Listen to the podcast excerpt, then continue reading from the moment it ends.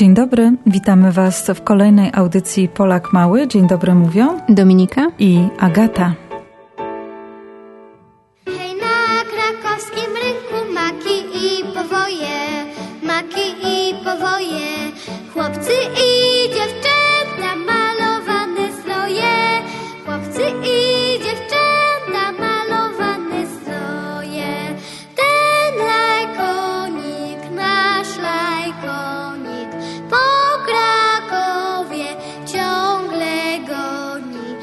Lajkoniku, laj, laj, poprzez cały kraj, kraj.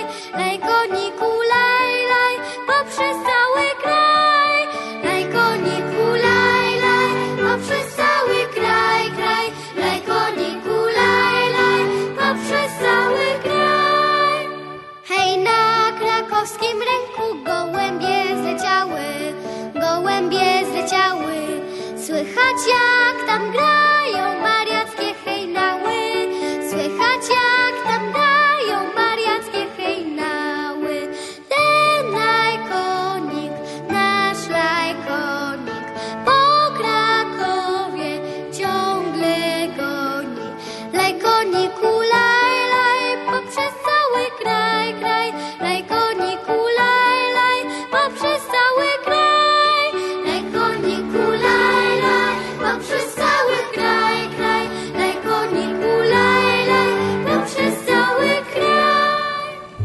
Dziś w naszej audycji rozmawiać będziemy o specjalnym koniku, lajkoniku.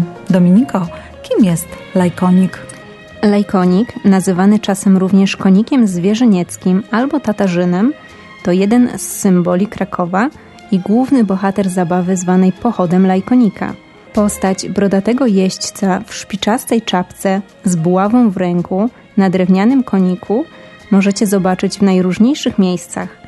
Na pocztówkach, w przewodnikach turystycznych, w różnych inscenizacjach i przedstawieniach, a nawet na obiciach siedzeń krakowskich tramwajów i autobusów.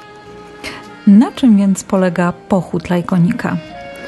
Każdego roku w czwartek po Bożym Ciele, bez względu na pogodę, orszak złożony z lajkonika, chorążego niosącego chorągiew z białym orłem, włóczków i kapeli mlaskotów przemierza trasę od ulicy Senatorskiej do klasztoru sióstr Norbertanek, gdzie wykonuje pierwszy z trzech tańców. Następnie lajkonik ze swoją świtą wędruje przed Filharmonię Krakowską, gdzie po raz kolejny tańczy, by na końcu udać się w kierunku rynku głównego. Podczas całego przemarszu lajkonik odwiedza stragany, sklepy, biura i inne lokale, w których zbiera haracz, czyli okup w postaci drobnych monet. Według tradycji odwiedziny lajkonika i otrzymanie uderzenia buławą ma przynieść szczęście na cały kolejny rok. Dlatego zarówno właściciele sklepów, restauracji, jak i widzowie pochodu chętnie płacą haracz i nadstawiają karki lajkonikowi. Dotyczy to również prezydenta miasta, który na rynku głównym po uiszczeniu haraczu wraz z lajkonikiem wznosi toast za pomyślność miasta i jego mieszkańców. Całość obchodów wieńczy trzeci, ostatni taniec z chorągwią, tańce włóczków, tatarów i przemarsz wokół rynku głównego. A skąd się wziął ten zwyczaj? Według legendy, wiele wieków temu Kraków najechali Tatarzy.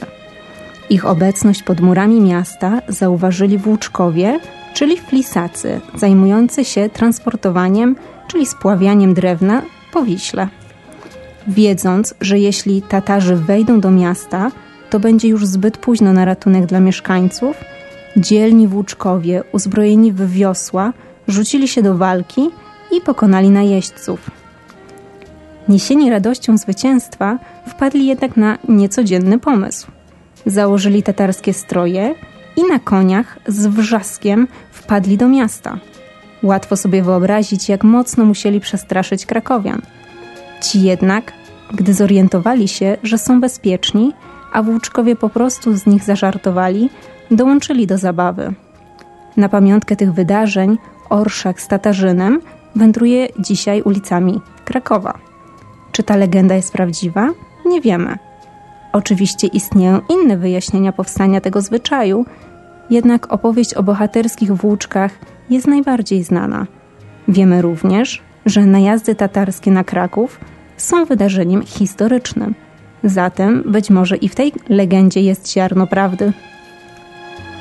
I to wszystko, co przygotowałyśmy na dzisiaj. Do usłyszenia mówią Dominika i Agata. Niech dłużej nie zwleka,